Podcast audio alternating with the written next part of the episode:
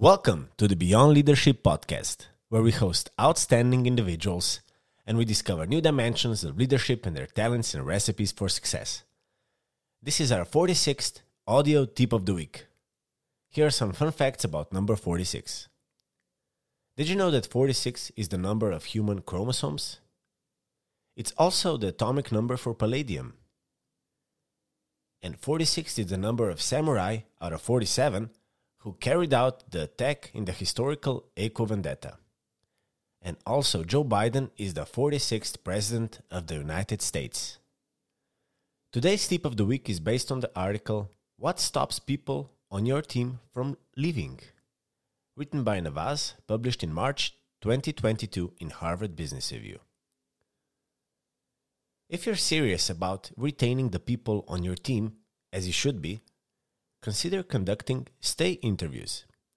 These are discussions where you ask loyal employees key questions to understand how engaged they are. These discussions involve asking key questions to your loyal employees that tackle common retention issues. The information you gather can help you tackle different challenges, but mainly it can help your loyal employees stay. Here are four questions to try. What's your frame of mind today?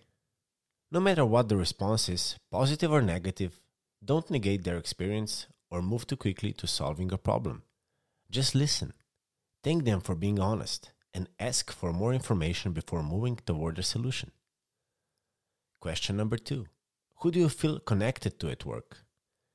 Based on their response, explore what you can to do help them deepen those connections. Perhaps people from different departments can work on company um, different projects, a cross division initiative, or take part in a virtual discussion groups. Question number three What do you want to learn that will excite you and help you grow? This question signals that you care about their development and want to help them achieve their aspirations.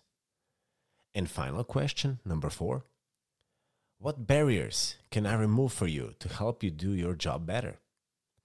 Then brainstorm with your colleague how you can be most helpful. Ensuring people can do their jobs well is just as important as praise and rewards. Now, how do you retain your employees? Do you practice stay interviews? This was this week's tip of the week. Make sure to subscribe and follow us on all podcast channels like Spotify, Apple, Google, Castbox, and also follow us on YouTube, LinkedIn, Instagram, and Facebook.